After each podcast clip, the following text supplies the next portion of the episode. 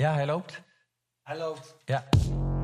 Hi, hey, welkom bij de podcast Verslaafd. Seizoen 2. Een serie waarin we op zoek gaan naar het antwoord op de vraag: is er leven na de doop? Elke aflevering duiken we in de wereld van verslaving. Drank, gokken, drugs, kopen, eten, gamen, noem maar op. Ja. En hoe je daarvan los te maken. Want stoppen is één ding, leven met jezelf zonder middel is iets heel anders. In interviews met ex-verslaafden horen we hoe zij dit deden. Ja. Wij zijn verslaafd en als je dat hardop durft te zeggen, heb je je eerste stap al gezet. Ja. Wij zijn Alain en Sander. Ja. Goed dat je er bent. Ja. Ja, hij loopt. Yo, hij loopt. Hij loopt nog steeds. Yes, hij loopt nog steeds. Hij blijft wel lopen. Hey. Aflevering nummer... Jezus, Ja, we- zijn echt aan het groeien.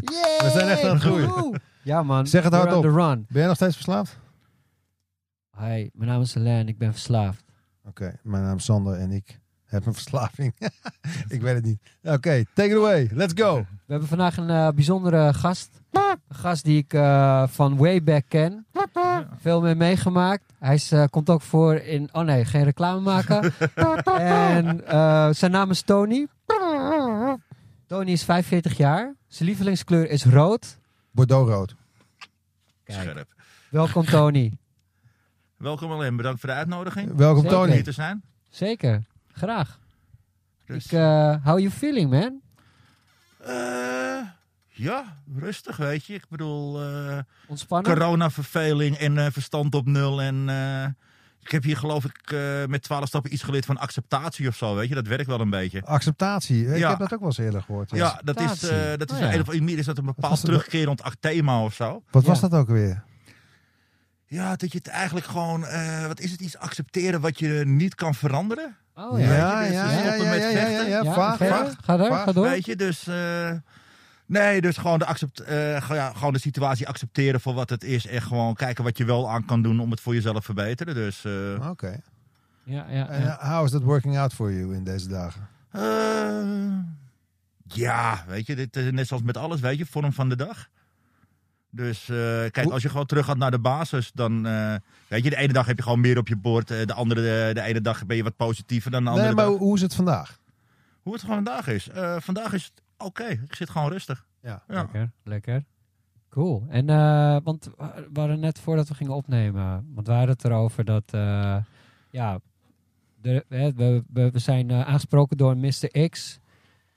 Nou, we zijn niet aangesproken. We hebben, we hebben gepraat met Mr. hebben- X. ja, ik zeg het een beetje. We hebben gepraat met de Mr. X. Mr. X is super aardig. Super aardig, Een een super goede gast gewaardeerde, ook zeker. super gewaardeerde Absoluut. fellow. Maar die vond toch al dat we, ja, stap 11, eh, Traditie 11 bedoel je. traditie 11 inderdaad. Scherp. Dat we daar ons niet echt helemaal aan hielden, omdat we dus toch eh, ja, een clubnaam opnoemen. Ehm, ja, hoe, wat, wat, wat vind jij daarvan, Tony? Eh, wat ik persoonlijk vind is. eh, kijk, het is goed dat er op tradities gere- gewezen wordt. Weet je, die zijn ervoor met een bepaalde reden. Eh, wat ik wel opval is dat mensen er creatief mee omgaan. En het af en toe ook in hun eigen voordeel gebruiken. Weet je, ik denk dat het goed is dat je. Kijk, zoals je ook in je aankondiging zegt, dit is een programma over verslaving. Weet je. eh, Nou, ja. dit is een programma over wat er gebeurt als je gestopt bent met verslaving. Ja, precies. Maar dus, Dus het ook natraject van verslaving. ja, dus ja, in dit ja, geval ja. herstel. Ja, Weet Ja, je, precies, ja. Ja, dat is beter. Kijk, als je daar een naam aan koppelt, weet je, het is eigenlijk, eh, moet het zo open mogelijk blijven. Dus weet je, als je een naam eraan koppelt, dan kan het een bepaald beeld geven. Dus Ja. dat ze daarvoor willen waken, dat snap ik. Weet je, kijk, aan de andere kant, als ik eh, zie wat er eh, wordt gepost op Facebook, weet je, waar gewoon mensen foto's van meetings met wie erop zit, Echt met gezicht in beeld gewoon plaatsen. Ja, dan vraag ik me ook af hoe het zit met de anonimiteit. Wow. Weet je, en dan kan het wel een besloten groep zijn, maar ik heb altijd begrepen van wat je hier hoort en wie je hier ziet, blijft hier. Ja. En niet op een besloten groep op Facebook. Nee. Weet je, dus ehm, Ja, besloten en Facebook kun je eigenlijk gewoon niet samen in, eh, in één zin gebruiken. daarom, weet je. Ja. Dus, eh, weet je, dat is dan ook krom, weet je. Maar eh, ja, dan moet je ook niet rooms aan de pauze willen zijn, weet je. Dus ja, dat is eigenlijk, eh, weet je, ik wil niet eh, mensen kwetsen door eh, wat te spreken, weet je, daar heb ik genoeg ervaring mee. Ja, want dat is wel één ding, weet je. Wij maken er geen reclame op. Ik persoonlijk niet. Ik zit wel op Facebook, maar ik laat niet weten wie ik helemaal ben, weet je. Ja, mensen die me kennen, die horen mij, die ke- herkennen mij. Maar ik maak jij, geen... jij, geen jij wordt al herkend. nee, maar je snapt wat ik bedoel, toch? Ik bedoel, eh, mensen van het programma, weet je, die, die, die zeggen, oh, wat een geweldige show. Ja, het is een, het is een doorpaasding, weet je. Net als het programma eigenlijk.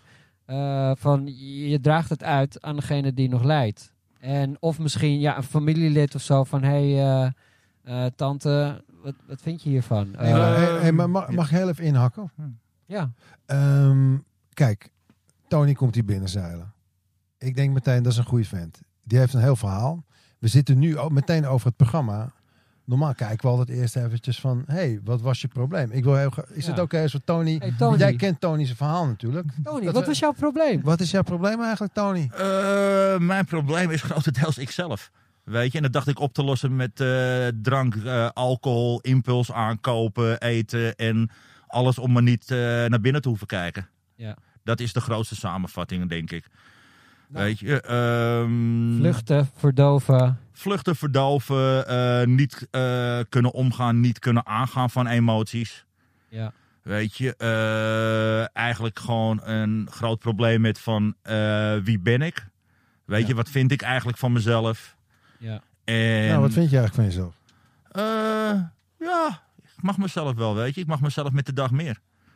Dus eh, kijk, weet je, vroeger had ik altijd zoiets van... eh, ik wilde eigenlijk de beste zijn. Mm. Weet je, en vind me alsjeblieft goed genoeg. Weet je, en dat komt gewoon eh, naarmate ik gewoon langer clean ben. Weet je, geen middelen gebruik en meer aan mezelf werk. Mhm. Door onder andere eh 12 stappen programma. ja. Weet je, leer ik mezelf gewoon steeds beter kennen. Weet je, ik kan steeds beter door de bullshit heen prikken. Ik kom dichter bij de kern. Ja. Hoe, lang, En- hoe lang ben je al bezig met dat proces? Hoe lang ben je gestopt met je... Eh, ruim acht jaar. Dus acht jaar al gestopt met je middel? Ja. Ja, Ja. Ik hoorde Tony, ik zeg natuurlijk, de, een, de bekendste... We noemen eigenlijk geen achternaam, maar Tony Montana mag ik hier wel even laten vallen natuurlijk. Ja, nou, die probeerde ik te zijn, weet je. Ja? Kun je zeggen, say hello to my little friend? Kun je dat eens zeggen? Say hello to my little friend. Kijk.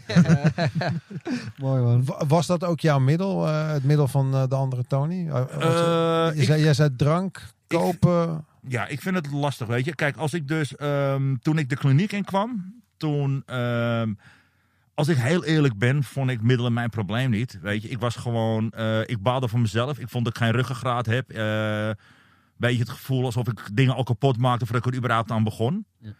Weet je, eh, Was je bang, voor, bang voor succes? Was je bang voor succes? Was je bang voor afwijzing? Oh, allebei denk ik. Weet je, allebei is lastig. Dus weet je, is- kijk, er is gewoon. ehm, kijk, als je dan later naar de stappen gaat, weet je, ik geloof dat mijn hele eh, stap 4 inventaris, ja, daar kwam gewoon grotendeels kwam er gewoon angst, onzekerheid, zelfbeeld kwam Ja. eruit, weet je. Ja, Dus dat ja. is gewoon een grote gemene deler. Ja. Ehm, dus eh, even kijken, waar was ik net? Nou, de vraag, was van, ik, ik zei van, eh, eh, is, was kook eh, Ja, ook een ding voor jou? En toen zei van, Eh, nou, toen ik bij de kliniek kwam... Toen, bij, toen ik bij de kliniek kwam, toen vond ik dus eigenlijk meer dat ik zelf het probleem was. Eh, in de kliniek naar middelen, waar, daar had ik echt iets van, ja, kook is mijn grootste probleem. Eh, maar daarvoor was het drank al, weet je. En als ik gewoon terugkijk, dan was kook was voor mij een ideaal middel om door te kunnen blijven drinken. Ja. Ik ben een controlfreak, weet je. En ik had met eh, alcohol, en als ik daarbij kook nam, had ik het idee dat ik mezelf beter onder controle kon houden dan als ik alleen dronk. Weet je, dus dat... eh, Dat je, je bedoelt dat je en kon zuipen en recht kon lopen? Of wat bedoel je? recht kon lopen, maar als ik alleen dronk, dan eh, was ik ook veel agressiever. Dan kreeg ik rode vlekken, dan eh, sloeg ik erop los. Ja. En dat kon ik ook dan met kook, kon ik dat beter onder controle houden. Echt, jij werd rustiger van de kook. Ik, eh, nou, ik wil niet zeggen dat ik er heel rustig van werd, maar ik had eh, minder fysiek agressieve uitspattingen, zeg maar. Dus je werd er knuffeliger van, zeg maar. Nou, knuffelig wil ik ook niet zeggen, maar ik kon het dus, eh, ik kon die rode vlek voorkomen. Ja. Weet je, en eh, dus dat gaf me. Dus Rode vlek- eigenlijk, Je bedoelt dus een rode vlek voor je ogen of zo bedoel je? ja, ja, als ik dus Ja, gewoon ja, met ja. drank, als ik dus op een gegeven moment gewoon doorsloeg, dan zag ik gewoon een rode vlek met eh, zwarte schimmen. En die zwarte schimmer moest gewoon uitgeschakeld worden, wie het ook was. Mm. Ja. Weet je, en dat was gewoon een waas. En dan alles wat voor me kwam, dat pakte ik, eh daar kneep ik de kel van dicht of die sloeg ik. Het is Ja. best eh, spannend om met jou op stap te gaan dan, lijkt me. Op een eh, back in the days. Ja, het was niet saai, weet je. Dus eh, nee, maar ik bedoel, het, kijk, ik weet je, ik ga het, probeer het nu te bagatelliseren, maar dat was iets waar ik zelf toen eigenlijk al van baalde. Maar je probeert er eigenlijk weer te rechtvaardigen van, ja, weet je, dan moeten ze me ook niet fucken, want dan gebeurt het ook niet, weet je. Dus je bent eigenlijk alles aan het rechtvaardigen om niet terug te hoeven te gaan naar het probleem. Ja. Nou, dat is hetzelfde eigenlijk van op een gegeven moment dus die kook bij die alcohol gebruiken. Mm. In plaats van ik zeg van, wacht even, kennelijk kan ik niet heel goed met mijn agressie omgaan als ik eh, drink. Misschien moet ik niet drinken. Ja. Nee, maar wacht even, als ik er kook bij neem, dan kan ik door blijven drinken en heb ik er minder last van. Weet je, dus je gaat eigenlijk gewoon eh, allemaal proberen een soort pleisters erop te plakken om het eh, bloeden te stelpen. Ja. Terwijl je niet, gaat, niet probeert de wond te genezen. Nee, precies. Niet naar de kern gaan. Weet je, en ehm, een goede eh, vriend van mij binnen het programma, die heeft altijd. eh, die, heeft, die heeft bij een van de eerste meetings waar die kwam, die zei: Weet je, het is gewoon net een ijsberg. Weet je, eh, als je kijkt naar verslaving als zijnde een ziekte. Weet je, je hebt eigenlijk het, het stukje wat erboven zit, dat is een paar procent. Wat boven water komt. Nou, en dat is eigenlijk je middel. Weet je, dat is wat zichtbaar is, eh, wat mensen zien als schade. Maar het probleem zit onder de oppervlakte. Dat is een mooie metafoor eigenlijk. Ja. Weet je, dus, eh, Ik ben zelf niet zo'n fan van de Titanic, maar eh, hier vind Nee. wel... eh, weet je, dus, en eigenlijk dus, maar je, moet- ja, je moet dus op een gegeven moment dat middel wegnemen om dus die problemen eronder te pakken. En dat is bijvoorbeeld als ik dus kijk naar, eh, ik ben naar de 12 stappen kliniek gegaan en wat mij dus juist er is aansprak, was niet zozeer het stoppen. Weet je, ik wist wel dat het nodig was. Maar ik had ook, ik, ik voelde me zo kloten dat eigenlijk gebruik was mijn enige afleiding van mijn ellende. ja. En ik had iets, dan voel ik me kloten. En dan wil je het eigenlijk het enige iets wat mij nog een beetje verlichting geeft. Ik doe aanhalingstekens met mijn vingers. Ja, ja, ja. Weet je, dat wil je van me wegnemen. Weet je, wat heeft mijn leven dan überhaupt nog voor zin? Weet je, dan is het gewoon allemaal verrot. En Maar had je dat inzicht al toen je de, toen je de kliniek binnenkwam van... hé, hey, ik, kom niet, ik kom hier niet mijn middel opgeven. Ik kom hier om oké te worden met mezelf. ja, ik kom hier, dat was, Hoe dat wist was je, hoe wist je dat, dat dat ging gebeuren? Had je onderzoek gedaan? Ehm, eh, had je ik- gehoord van ik mensen? ben, ja, een vriend van mij die werkte bij een eh aftercare programma. Eh, Wat is een aftercare programma? Eh, ja, dat is gewoon eigenlijk een woonvoorziening waar je na een eh, kliniekopname kan verblijven. Weet je, waar je nog verder wordt Is het ondersteund. hetzelfde als een safe house? Precies, dus, eh, zo'n systeem. Ja. Nou, en ehm, eigenlijk door de maatschappelijke schade had ik, wist ik dat hij er werkte. Ik zei van, goh, weet je, weet jij misschien iets? En toen heeft hij dus een afspraak voor mij geregeld met een collega van hem.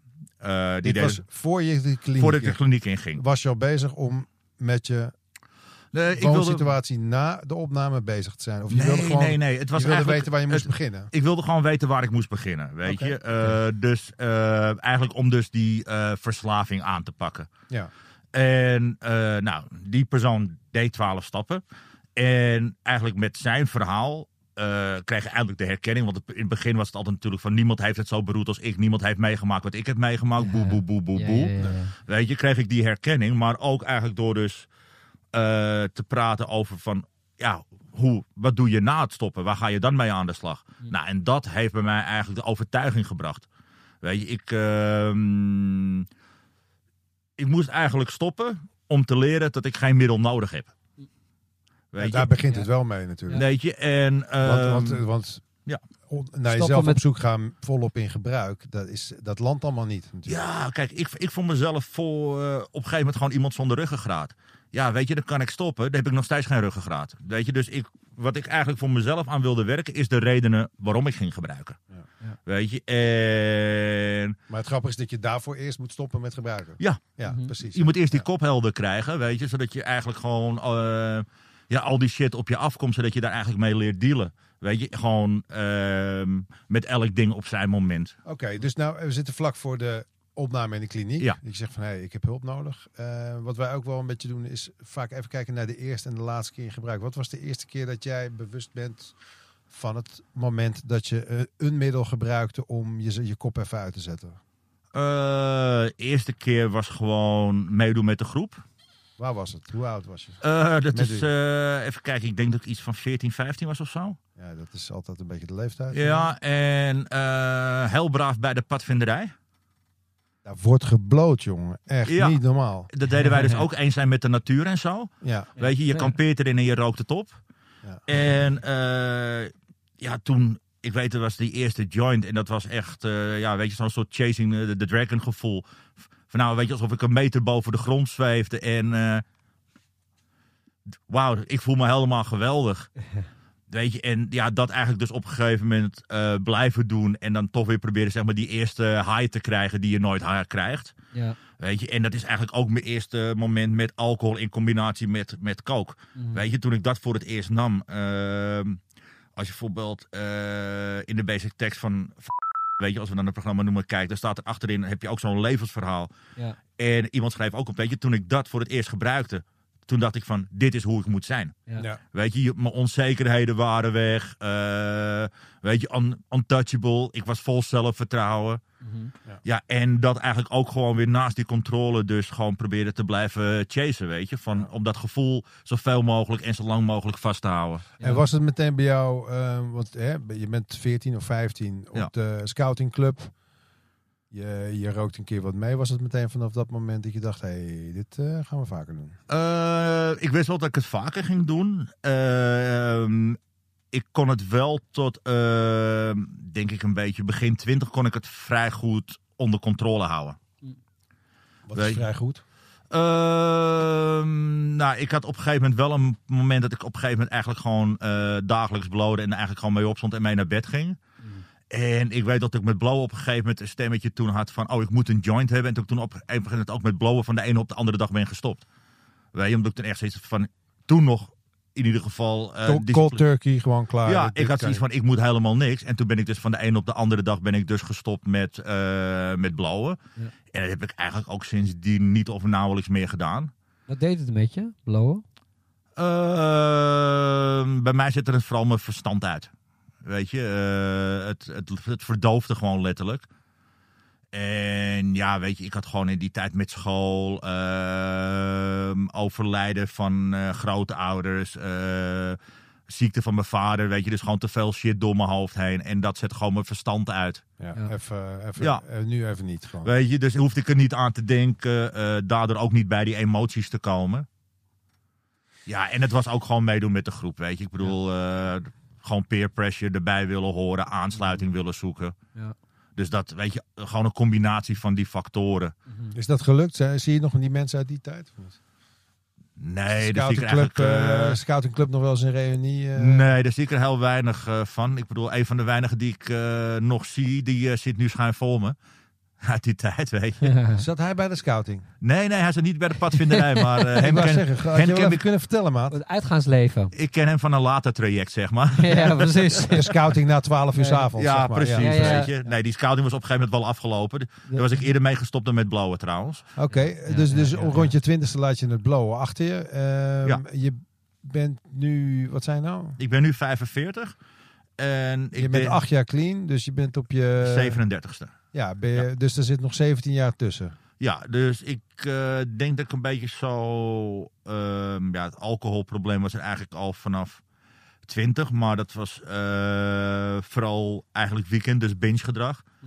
Weet je, gewoon in het weekend naar de kloten en dan eh, door de week bijkomen de volgende weekend weer naar de kloten. Ja. Eh, en toen op een gegeven moment met, ik denk 324 is daar kook bij gekomen. En dat was in het begin ook gewoon af en toe in het weekend erbij. Later eigenlijk standaard in het weekend erbij. Ehm, ik ben wel, qua gebruik was ik altijd eigenlijk meer binge dan dagelijks.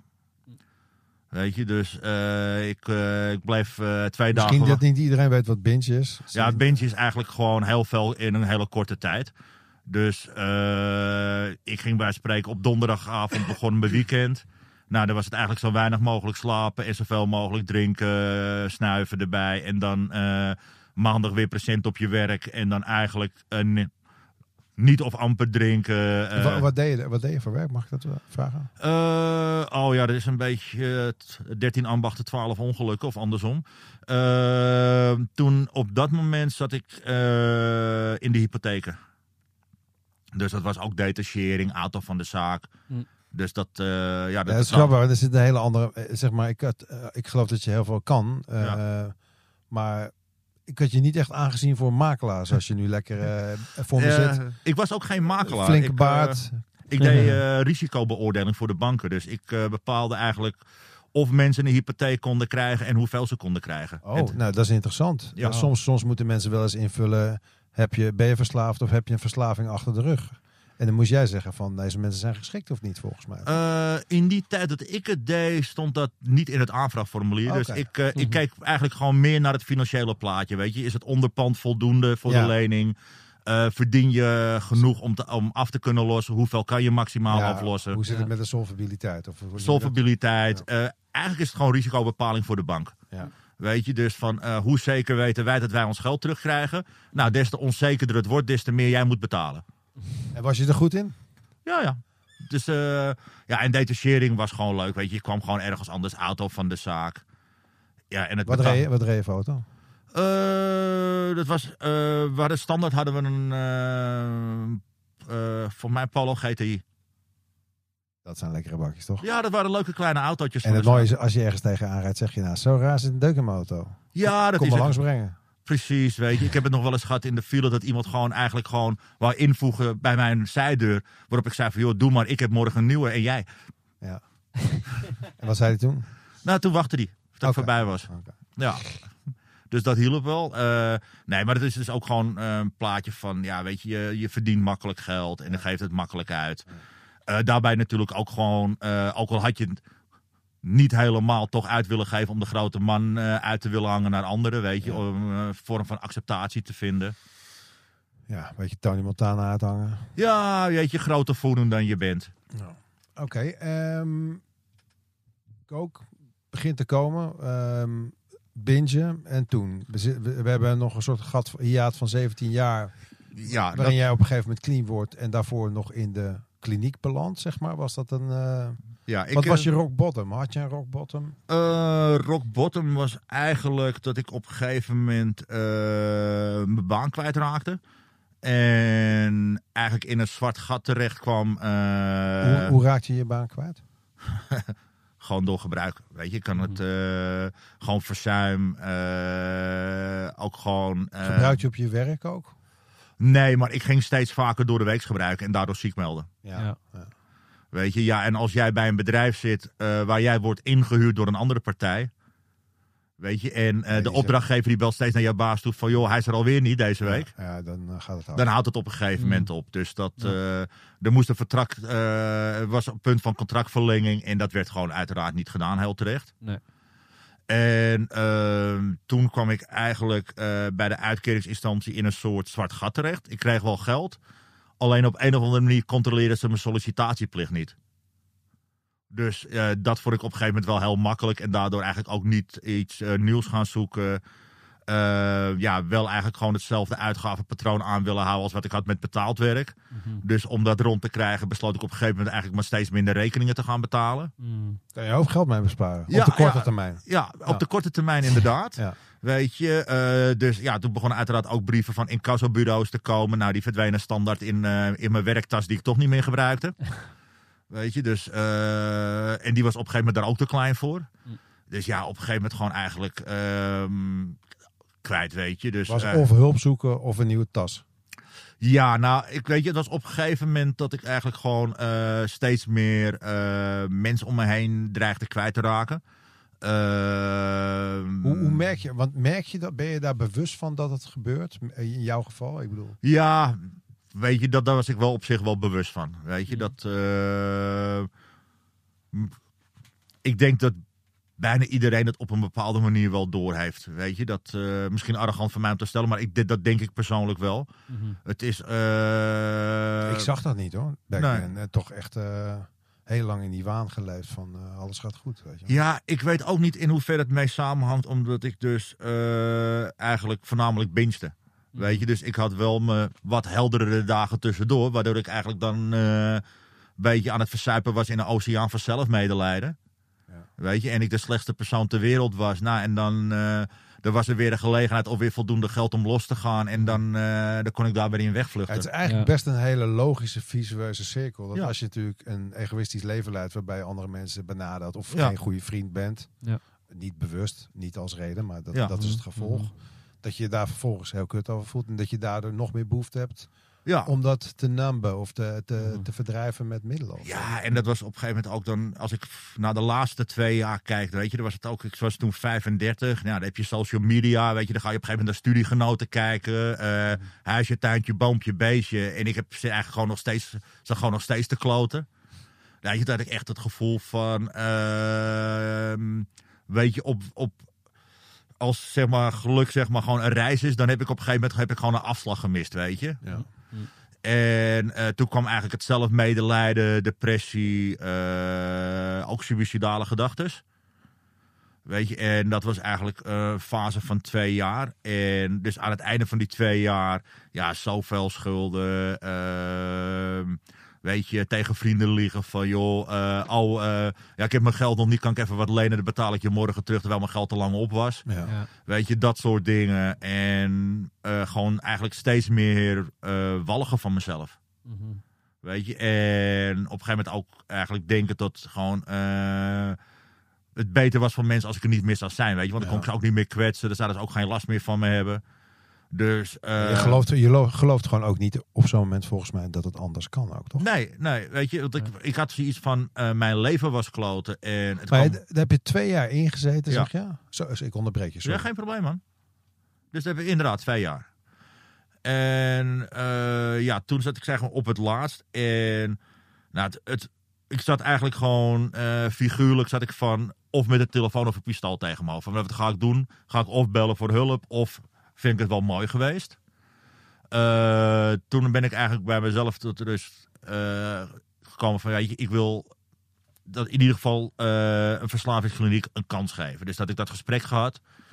Eh, dat gaf me wel, dat gaf me wel, dat begon eigenlijk, daar begon de hoop mee. Weet je, van dat het beter zou kunnen. Mhm. En toen had ik zoiets Met van... dat intakegesprek Met al. dat intakegesprek. Ja, dan kreeg je even... Jij dacht van, nee, hier zit ik goed bij deze boys. Ja, ik had girls. zoiets van, hier kan ik wat, wat mee. En puur omdat het ging over meer dan alleen stoppen met gebruiken. Ja. Weet je, want dat ik al eerder zei van, ja, je, je kan het gebruik wegnemen, maar is mijn leven gewoon nog steeds kut. En dan? Mhm. En dus eigenlijk gewoon meer het, eh, het programma erachter waarin je dus aan die verandering in jezelf gaat werken. Dat sprak me aan. Ja, Weet het, je, het stoppen met je middel niet als doel, maar als een tool om jezelf te worden. Precies, weet je, om gewoon... eh, Ja. Dat lijkt een heel klein verschil, maar Ja. dat is echt enorm. het, is een, het is een wereld van verschil, weet je. Dat, ehm, dat, in mijn geval geef je dat ook de drive om door te gaan. Ja, want hoe eh, ben je in Nederland opgenomen of in het buitenland? Eh, ik ben toen met iemand in gesprek gegaan. Die begon eerst over een hele mooie verslavingsafkikkliniek in Thailand. Ik dacht van, nou, dat lijkt me wel wat. Klinkt echt goed. Ja, uiteindelijk werd het een eh, half vergaan kraakpand op het eh, Surinameplein. En wat deed jij voor die laatste, deed jij voor die laatste kiezer? Eh, nou, dat was eigenlijk niet kiezen. Hij zei op een gegeven moment van... nee, ik denk dat die beter voor je is dan Thailand. En ik had echt zoiets van... zeg het maar. Ja. Prima, weet je, doe maar, doe maar. Dus toen hebben we eigenlijk daar meteen een intakegesprek geregeld bij die kliniek. Dus ik heb me meteen- daar aangemeld. Eh, toen een, eh, daar een intake gehad bij die kliniek. Nou, dat was wel duidelijk dat ik daar wel kon verblijven. Toen heb ik alleen zelf nog een smoes verzonnen, waardoor ik nog een maand moest wachten. Mm. En die maand heb ik eigenlijk gebruikt om 30 afscheidsfeestjes te houden. Hm. En eh, ja, die kliniek eigenlijk ingegaan met zoiets van, ehm, zeg het maar. Mhm. Volledig Heb je bereidwillig. helemaal overgegeven. Ja, ik, eh, ik had me expres niet helemaal ingelezen. Het was een eh, Minnesota-model, dus 12 stappen kliniek. Ja. Dus ik had me expres niet ingelezen, omdat ik gewoon weet dat ik gewoon een eigenwijs, arrogant eh, mannetje kan zijn. Dus als ik van tevoren ga lezen wat ze allemaal gaan doen en waarom, dan ga ik voor mezelf al redenen bedenken waarom het voor mij niet werkt. Ja, ja. Dus ik heb me expres, had ik me niet ingelezen en ik kwam daar gewoon met mijn spullen. Nou, ik geloof van eh, de lijst van verboden spullen, die, eh, de, de, nou, de, de helft zat in mijn tas. Nou, noem eens drie dingen die je niet mee mocht nemen, die je probeerde uh, mee naar binnen te nemen. Eh, een mes had ik achteraf ook wel kunnen weten. Eh, Een mes naar een verslavingskliniek. Ja, daar had ik niet over nagedacht, weet je. Ja. Zo zat ik er doorheen. Eh, ik had net dat, eh, die dag ervoor dat ik een eh, MP3-speler aangeschaft, zodat ik muziek kon luisteren. Nou, dat mocht dus niet. Oh. Nee. Dus dat, was, ja, dat, was ik, eh, dat vond ik ook wel zonde. Ja, een Eh, beetje raar eigenlijk, maar... Ja, dat was een van de voorwaarden daar, omdat je dan sneller met dopjes gaat zitten en je isoleert. Mm. En eh, wat had ik ook bij me? Parfum, dat mocht ook niet. Omdat er natuurlijk weer alcohol in zit. Mm. Ze waren bang dat je je parfum ging opdrinken. Ja, ja. Dat Ja. gebeurt ook, of niet? Eh, nou ja, je mocht daar dus bijvoorbeeld zelfs ehm, deodorant, weet je, van die, van die spuitdeodorant. Daar eh, mocht je alleen hebben als er geen alcohol in zit. Eh, mondwater als er geen alcohol in zit. Dat is, Voorstellen dat iemand een boer laat dat je denkt, hé, ik ruik Chanel nummer 5.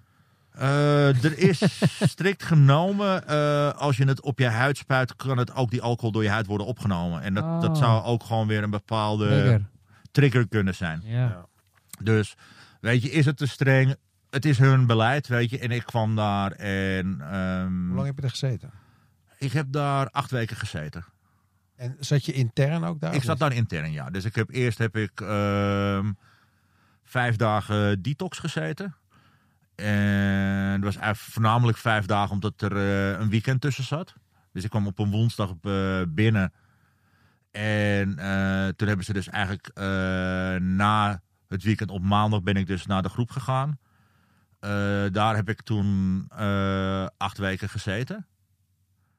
Ja, en wat ik eigenlijk in het begin dus zat, weet je, eigenlijk gewoon zo, zo- zoveel mogelijk geluisterd. Weet je, ik, eh, en naarmate ik er langer zat, begonnen eigenlijk steeds meer eh, kwartjes te vallen. Weet je, was net zo'n soort connected dot tekening. Van, van stipje naar stipje Ja. tekenen begon het plaatje wat duidelijker te worden. Wat is de belangrijkste les die je geleerd hebt in de, de kliniek? Behalve dat drugs natuurlijk slecht zijn voor je. Ehm, als ik naar de kliniek kijk, ehm, ehm, wat ik heb geleerd is eigenlijk meer eh, hoop. Weet je, wat ik hiervoor al zei, eh voor ik de kliniek in ging, had ik eigenlijk op een gegeven moment een punt iets van, ja, weet je, als geluk gewoon een reis is, eh, dan heb ik de afslag op de laatste trein gemist. En in die kliniek hoop te zijn. in die kliniek had ik op een gegeven moment weer hoop van, nou, ik heb misschien de laatste trein gemist, maar ik kan ook kijken of er nog bussen rijden. Anders fiets ik het wel en desnoods kruip ik, maar ik kom er wel. Ja. Weet je, ehm, en dat is voor mij ook, als ik naar, ehm, kijk vooral in het begin van het 12 stappen, voor mij is het eigenlijk begonnen met hoop. Eh, wat eigenlijk is uitgegroeid naar geloof, naar vertrouwen. Weet je, ik had de hoop dat het zou gebeuren. Op een gegeven moment eh, geloofde ik dat het kon gebeuren. En op een gegeven moment had ik er ook gewoon vertrouwen in van... Het gaat gebeuren, op wat voor manier En dan op een gegeven moment is het aan het gebeuren. toch? Ja, Maar ja, het begint inderdaad wel mooi dat je dat zegt. Ja. Het begint wel met hoop. ja Want als je, je.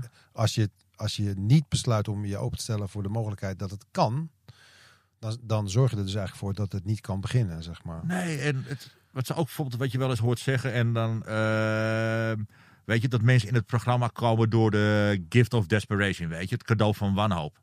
Ja, wat, wat staat tegenover wanhoop? Hoop. Mm. Weet je, dus op een gegeven moment wordt die wanhoop, die, eh, die wordt gewoon vervangen door hoop.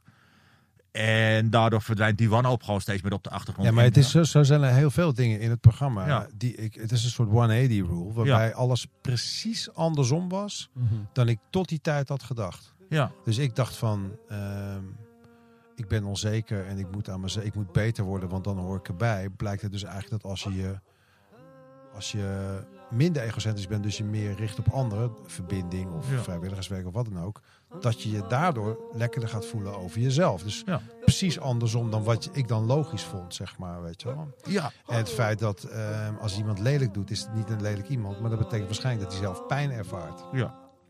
En allemaal van dat soort mooie inzichten. Ehm, wij hebben altijd een soort omslagpunt in de show dat we gaan. Hè. We hebben nu over Ja. vroeger gehad. Eh, we hebben het over de kliniek gehad. Je hebt je rock bottom gehad. Je eerste keer, laatste keer gebruiken hebben we niet echt gezegd volgens mij. Maar vind ik ook misschien niet zo super duper belangrijk. Want ik wil eigenlijk naar het tweede gedeelte van de show toe. Is er leven de Naar de doop. Ja. Is er leven na de doop? We vragen het iedereen eigenlijk. Dus ook Tony.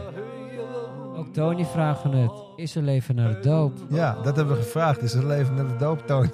ja. Dus eh, ja. Is er leven na de dood? Ja, die vraag is wel duidelijk, denk ik. Maar we... Nee. En ehm, ja, nou ben ik helemaal in de war. Ja, ik ook. Is er leven na de doop? Is er leven na de dood? Zullen we Tony vragen? Zullen we Tony vragen? Dit is echt een hele spannende aankondiging. We proberen een soort cliffhanger. Maar Oh, eh, geweldig. wat je straks gaat horen is... In ieder geval het antwoord op de vraag is er leven na de doop. Er Verder veel over hardcore. Hè? Hardcore. Het, het, het, eh, het oude leven. Het- ja. Oké, veel plezier. Yes. Dit was de podcast Verslaafd. Idee, productie en uitvoering Alain, Sander en Bas. Elke donderdag een nieuw gesprek. Tot de volgende keer. Tot de volgende keer.